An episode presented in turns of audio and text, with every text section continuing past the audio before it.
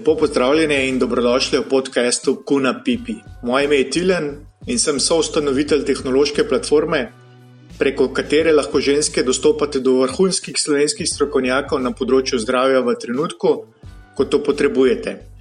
V rubriki QA naši strokovnjaki odgovarjajo na 3 do 5 vprašanj, ki ste nam jih zastavili preko spletne ali Facebook strani. Vkolikor imate tudi sami vprašanje, ga lahko postavite na naši spletni strani kunapipi.si. Ta teden bomo odgovarjali na vprašanja o spolnosti po raku na dojki. Spolnost je pomemben dejavnik kakovosti življenja mnogih žensk.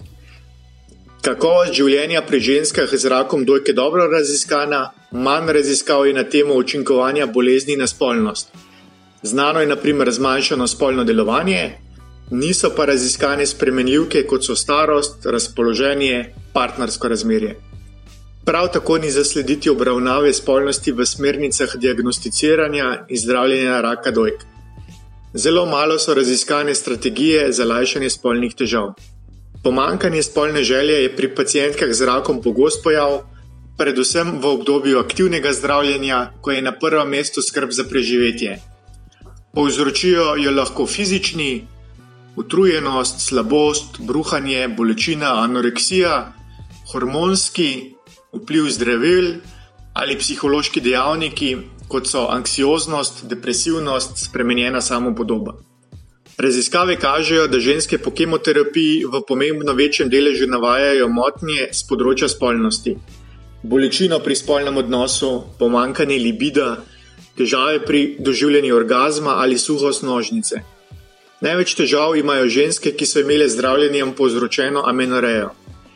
Tudi hormonsko zdravljenje s tamoksifenom povezujejo z bolečino, pekočim občutkom in nelagodjem pri spolnih odnosih. Ponovna izgradnja intimnega življenja zahteva svoj čas, potrpljenje, ustrajnost, ustvarjalnost, sposobnost uživanja in dobro komunikacijo. Danes je z nami Andreja Gornjac, doktor medicine specialistka ginekologije in porodništva. Od leta 2013 je zaposlena na Onkološkem inštitutu Ljubljana. Ukvarja se z odkrivanjem in zdravljanjem predrakavih in rakavih bolezni v področju zunanjega spolovila, nožnice, materničnega vrtu, telesa maternice, jajcevodov in jajčnikov. Doktor Gornec, lepo pozdravljena. Hvala, ker ste si vzeli čas v vašem natrpanem urniku. Pa da gremo kar na to prvo vprašanje. Ženske pogosto postavljajo vprašanja, kot so, ali imam lahko spolne odnose med zdravljenjem, kdaj lahko začnem spolnimi odnosi po zdravljenju in ali se moram izogibati kakšni vrsti spolnih odnosov. Kakšno vprašanje se ponavadi pojavijo pri vaših pacijentkah in kako jim odgovarjate? Pozdravljeni. Spolnost je tema, ki je v naši družbi še vedno bolj kot ne tabu tema, Popolnoma odkrit pogovor o spolnosti, o občutkih glede spolnosti, o spolnih željah, fantazijah, pogosto ni odkrit, niti med zakoncema, kaj šele med uh, intimnimi partnerji, kaj šele drugot. Tudi otroci uh, bi naj pridobili že prve informacije o spolnosti od staršev, pa pogosto ni tako. Ker tudi starši niso zadosti izobraženi, da bi bili zadosti samozavestni, da bi lahko naprej podajali znanje svojim potomcem. Tudi mladostniki po zadnjih raziskavah najpogosteje pridobijo informacijo glede spolnosti od sovrstnikov ali iz interneta. Mediji pogosto izpostavljajo samo en del spolnosti, ki pač boljše prodaja tisti mediji, mediji ne osredotočajo se oziroma ne oglašujejo pa zdrave spolnosti. Internet in dostop do vseh vsebin še posebej negativno vpliva na najstnikovo podobo o spolnosti, tudi v osnovnih šolah, srednjih šolah, nimajo zadosti vzgoje, spolne vzgoje. Ta je povsem prepuščena ravnateljem in učiteljem. O spolnosti pa tudi ma, zelo malo vejo sami zdravniki, ker se je na faksu dejansko ne dotaknemo. Tudi zdravniki težko govorijo o spolnosti. Pogosto so eh, zdravniki sami v zadregi, ko pacijent vpraša, če sploh kaj vpraša. Ponavadi pa nič ne sprašujejo, kar se tiče spolnosti. Najpo, moje najbolj um, pogoste izkušnje so take, da če jih jaz vprašam, kar se tiče glede spolnosti, in gospe odgovorijo, da pač spolnosti enostavno nimajo, ker se pač govorim pri bolnicah, ki, se, ki, ma, ki so onkološko zdravljene, se pač bojijo zapletov in potem se rajši zdržijo spolnosti, kot pa bi kogarkoli kaj vprašale. Če pa že vprašajo, so pa ponovadi zdravniki v zadrigi ali pa odgovorijo nekaj zelo kratkega. Tako da, če pa že načnejo bolnice težave s spolnostjo, ponovadi začnejo v smislu menopauznih težav, vročinski oblivi in suha nožnica. Ampak vprašanja niso pogosta. Torej, kot zaposlena na Onkološkem inštitutu imate specifično starostno ciljno publiko, predvsem pacijentke, ki so starejše od 45 ali 50 let. Ali se vprašanja žensk teh starostnih skupin razlikujejo od vprašanj, ki vam jih postavi naprimer 30 let mlada ženska? Kakšna so vprašanja neke gospe, ki je mogoče že rodila enega ali dva otroka? Starejše gospe sploh ne vprašajo, ker se jim to ne zdi pomembno. One mislijo, da pri 50-ih, čez 50, da pač spolnost več ni pomembna, da so odrasle, zadosti, ne vem, pametne, modre, da pač ta stvar pri tako hudi bolezni ni pomembna in ne more biti pomembna. Jim tudi ni pomembna, ker so oni tako vzgojeni, da v bistvu nimajo nobene vzgoje glede tega, pač čista represija glede spolnosti. Tako da pacijentke, ki so starejše, sploh ne vprašajo. Mlajše pa vprašajo glede recimo bolečin ob spolnih odnosih, suhe nožnice, ki jih pač imajo kot tiste, ki imajo hormonsko terapijo, ne, ali pa pač drugo onkološko terapijo, pa lahko tudi vpliva na te stvari. Pa tiste pa vprašajo, ampak pravim, vprašanja niso zelo pogosta. Spolni odnosi so veliko širše področje kot sam spolni akt. Ali jim spolni odnosi niso več pomembni le v tem kontekstu, ali govorimo tudi v širšem področju v spolnosti? V, v ambulantah je čist premalo časa, da bi se človek lahko dotaknil uh, širine besede, kaj je to spolnost in intimnost. Tako da pač pogovarjaš se in odgovarjaš na pač najprej na te tehnične stvari, ki je problem, potem bi pa mogel imeti časa pol ure, 45 minut in to enkrat, dvakrat na mesec, recimo pol leta, če imajo gospe težave, da bi ti res lahko tiste težave opredelil in jih potem začel uh, na, na njih delati.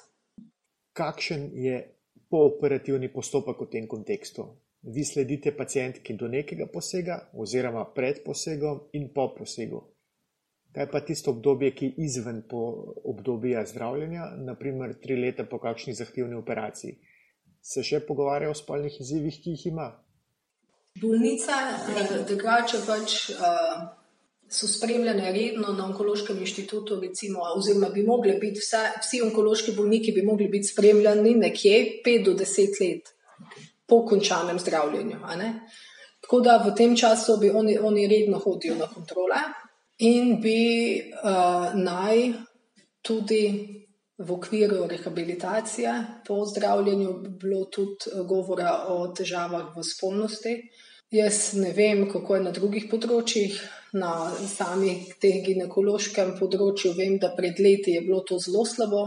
Zadnjih par let se malo spremenja, predvsem, ko pač mlajši specialisti prevzemajo bolj odgovorne vloge, pa se zavedajo tega problema, da je pač kvaliteta v življenju pomembna in da je spolnost del kvalitete življenja. Kar se tiče bolnic z rakom dojk, pa vem, da pač se če dalje več govori tudi o tem, da govorijo lečeči onkologi tudi pred začetkom zdravljenja, med zdravljenjem in po zdravljenju. In tudi pošljajo na obravnavo, če je ta potrebna. Zdaj, do, do, dotaknila ste se obdobja par, par let po posegu. Zdaj, moje, moje vprašanje v tem kontekstu je, um, v nekaterih državah je obravnava spolnosti del celostne oskrbe, v katero so vključeni različni strokovnjaki. Zdravniki, medicinske sestre, psihologi, seksologi in drugi. Kako je s tem pri nas? Kdo kdo sledi tej pacijentki v obdobju naslednjih par let. Je to samo lečeči zdravnik ali je to del kakšne skupnosti? Zaenkrat je to pač lečeči zdravnik.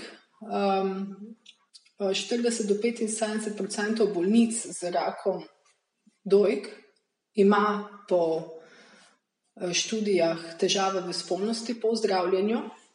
Po podatkih, po podatkih registra raka letno v Sloveniji z rakom dojke zboli 1200 do 1300 žensk.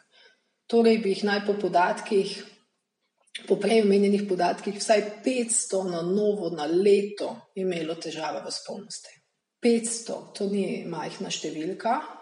Zahodne razvite države, kot so ZDA, Kanada ter Skandinavija, Velika Britanija v Evropi ter vem, Nizozemska, Belgija, imajo že razvite ambulante in celostno oskrbo bolnic s težavami v spolnosti.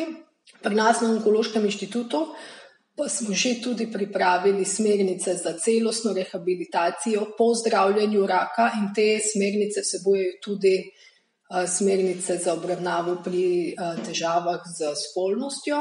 Imamo tudi nedolgo nazaj ustanovljeno ambulanto za spolne motnje, kamor se lahko bolnice, ki imajo večje oziroma ki imajo take težave, ki jih lečeči onkolog ne more obvladati, lahko bolnice napotijo in potem pač so smernice, kako in kam naprej.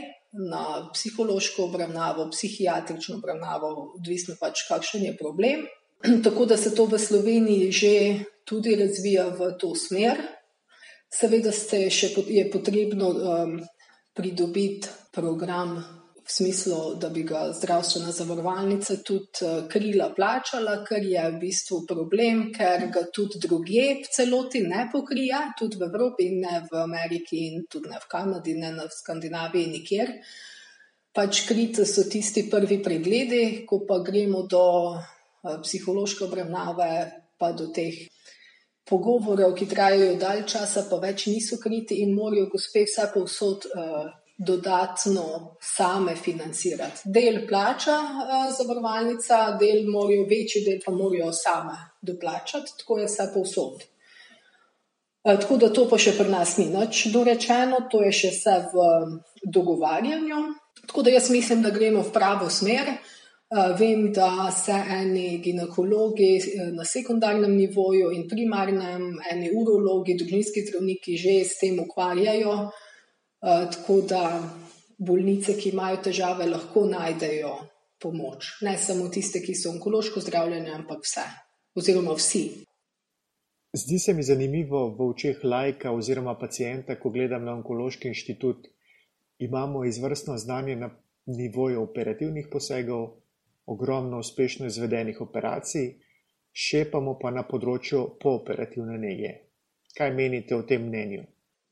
Noč ne šepamo šepamo eh, na tem, da nimamo časa za dosti, recimo v ambulantah, da bi pač bolniki bi verjetno želeli, da imaš za njih pol ure, 45 minut, pa nimaš.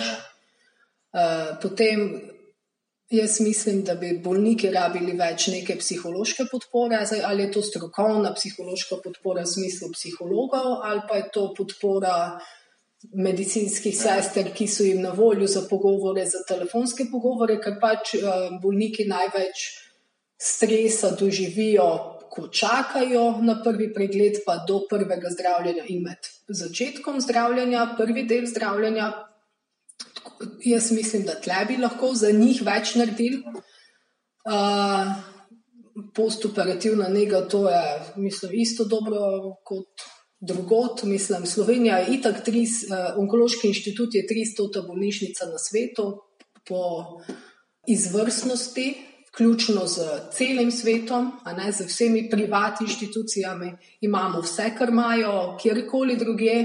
Tako da um, edino, kar če se nimamo, je pa čas, ki bi ga z bolniki lahko preživeli, pa prostor v ambulantah. Kaj menite o teh namigih, kako se vrniti k spolnim odnosom? Pogovor, začnite na začetku, skratka, zavedanje in sprejemanje, da bodo spolni odnosi drugačni. Vzemite si čas, uporaba primernih lubrikantov, vaje za medenično dno, masturbacija s partnerjem ali samostojno, lahko celo pomaga odpraviti tesnobo, povezano s spolnostjo in je lahko izhodišče za ženske, ki ponovno začenjajo spolno dejavnost. Kakšno je vaše mnenje o teh namigih, ki se pogosto pojavljajo tudi v literaturi? Uh, jaz se strinjam s tem, da je pogovor zelo pomemben in začetek uh, vsake obravnave, oziroma vsega temelj, na katerem bi se moglo graditi. Pogovor o občutkih, željah, potrebah. S samim pogovorom se sprosti že zelo dosti uh, napetosti, ki se je nabrala, samo da gospe povejo, na glas, kaj jih muči, in že da se ta napetost sprosti, je velik del poti k izboljšanju stanja. Sama bolezen in spopadanje z boleznijo ali katerimi drugimi težavami v življenju je že samo za dosti psihofizično zahtevno. Se pravi, neka dodatna napetost, ki jo lahko povzročijo uh, motnje v spolnosti, je vsekakor odveč. V začetku je zelo pomembna, oziroma temelj vsega je tudi dobra informiranost z normalno spolnostjo, v smislu, kako in kaj sploh, kako in kako stvari delujejo. Čista, čiste osnovne stvari, kaj in kako smo zgrajeni in kako stvari delujejo. Potem pa nadaljujemo, seveda je pomembno, da gospe so informirane recimo o stranskih učinkih zdravljenja in kaj lahko pričakujejo in seveda, kako ravnati, ko se stvari oziroma te težave pojavijo. Eh, če so eh, bolnice zadosti informirane, potem vejo, kaj pričakovati, vejo se s partnerjem pogovarjati, kako bo, da tudi eh, partner pričakuje, kaj bo, in s tem avtomatsko ni tiste neke napetosti, ki jo lahko ustvari neka, neka nova situacija, neka neznana nova situacija. Ker pač težave v spolnosti so težave, ki, so, ki lahko povzročijo večji razdor v partnerskem odnosu. Če pa ti ustvariš neko okolje, kjer se partner in kjer se partnerje med sabo lahko pogovarjata in veste, o čem se pogovarjata in kako lahko stvari izboljšata, pa napetosti ni, niva, nimata težave sami v med sabo, ker veste, zakaj se stvari dogajajo, ne obtožujete eden drugega, ker veste, da je vzrok drugje in ni v njiju samih, v enem ali v drugem. Uh, in s tem v bistvu sploh pogosto do težav ne pride ker jih mi z dobro informiranostjo že pred začetkom zdravljenja, z, s tem, da jih sprašujemo med zdravljenjem in da jim pomagamo, če so težave že v zgodnjih fazah, lahko preprečimo nastanek večjih težav v spolnosti in tudi v drugih ne, področjih. Nekega univerzalnega načrta oziroma priporočil, ki bi izveljale za vsakogar, pa ni. Priporočeno je, da mora eh, človek najprej sam sebe zadosti spoznati, da lahko sploh ve, kaj mu ustreza, v čem uživa in kaj bi rad. Bližina in intimnost s partnerjem sta vsekakor zelo pomembniva, ni pa enotnih priporočil za vsakogar. Vsak je pač posameznik, ki sam ve, kaj mu ustreza, pa kaj mu ne in kje so pač težave. Um, priporočljiva, oziroma zelo priporočljiva je tudi obravnava pri strokovnjaku, ki se ukvarja s spolnostjo, zgodaj, ko se pojavijo težave, ker lahko že pogovor na pravi način in prave informacije dosti stvari uh, rešijo. V smislu, že en sam pogovor lahko dosti stvari uh, razreši. Seveda pa obstajajo razne tehnike in priporočila, ki so še dodatno pomoč pri reševanju težav. Uh, mislim, lubrikanti itak ne morajo škoditi, um, pomagajo pa vedno. Za vsa ostala priporočila v smislu vaje za medenično dno, pa ne moramo univerzalnih priporočil dati, ker ene gospe rabijo vaje, druge pa rabijo uh, sproščanje. Tako da je priporočljivo, da grejo na vsaj na en pregled, prvi pregled, da pač vidimo, kje je težava, in da potem dobijo neko usmeritev, v katero smer bi naj uh, šle. Ženske z rakom dojk, ki so mlajše od 50 let, imajo statistično značilno v spolnosti več težav kot starejše ženske. Kako se te težave razlikujejo pri mlajših ali starejših od 50 let? Kako se lotiti razreševanja tega izziva pri 32 ali 65 letnici? Obdobje pred menopauzo in tisto po menopauzi sta drugačni za ženske, predvsem z vidika samopodobe in pa pričakovanja, ki ga imajo gospe od življenja in s tem od spolnosti. Menopauzne ženske, torej starejše od 50-55 let, so bolj izkušene, bolj samozavestne, imajo drugačna pričakovanja od tistih, ki so mlajše. Ženske v 30-ih so pa predvsem zaznamovane z družinskimi obveznostmi in delovnimi obveznostmi, ki znajo biti skupno zelo utrujajoče. Bolezen pa seveda še dodatno prispeva k povečanju stresa. Te ženske znajo biti zelo utrujene in pod stresom, kar ima že samo veliki negativen vpliv na spolnost in željo po spolnosti. Če se pri menopauznih bolnicah ni več. Res imajo mlajše bolnice lahko občutek utrujenosti tudi prisoten zaradi zmanjšanja hormonov, a ponavadi ni v tako zelo izraženi meri. Večinoma imajo pa obojne občutek suhe nožnice, zmanjšane spolne želje ter bolečine ob spolnih odnosih. Starejše bolnice ponavadi, kot sem že omenila prej, ne upajo nič vprašati, mlajše kaj vprašajo, pa ne precej direktno. Pri vseh je pa enako to, da so gospe po pogovoru vidno razbremenjene, takoj ko se pogovorimo o teh stranskih učinkih, o občutkih in kako jih oblažiti, kako, težavam, kako biti kos težavam, ne, kaj naredite. Uh, Vkolikor so, so dobile odgovor na svoje vprašanja, oziroma imajo vsaj občutek, da lahko vprašajo, pa da imajo možnost, da se še na te obrnejo, če bodo imele v prihodnosti težave, uh, so gospe vidno pomirjene, boljše volje in grejo ponavadi z nasmehom iz ambulante, so zelo vesele. Nekatere se tudi zjočajo, ker si prvi človek, ki si jih kdaj vprašal o tem, o spolnosti, in niso upali vprašati, in bi zelo rada se o tem pogovorile. Tako da se mi zdi, da je to res en um, del, ki lahko bolnicam zelo um, izboljša kvaliteto življenja in jim olajša del, ko so pod stresom med tem onkološkim zdravljenjem. Kako pogosto se zgodi, da zraven ženske pride njen partner na to vrstni pogovor? Ja, na začetku so ponavadi vedno gospe same. Potem pa, če vidimo potrebo, da pride partner, pride še partner. Najlepša hvala za vabilo na pogovor. Te teme se mi zdijo zelo pomembne in se mi zdi prav, da se govori o njih, ker pač uh, kvaliteta življenja je pomemben, pomembna stvar in se mi zdi, da lahko naredimo velik korak v boljšo smer skupaj. Ponovno vas vabim k poslušanju naslednjič, do takrat pa ne pozabite obiskati našo spletno stran kunapipi.si, kjer lahko brezplačno vprašanje postavite tudi same ali pa se naročite na posvet.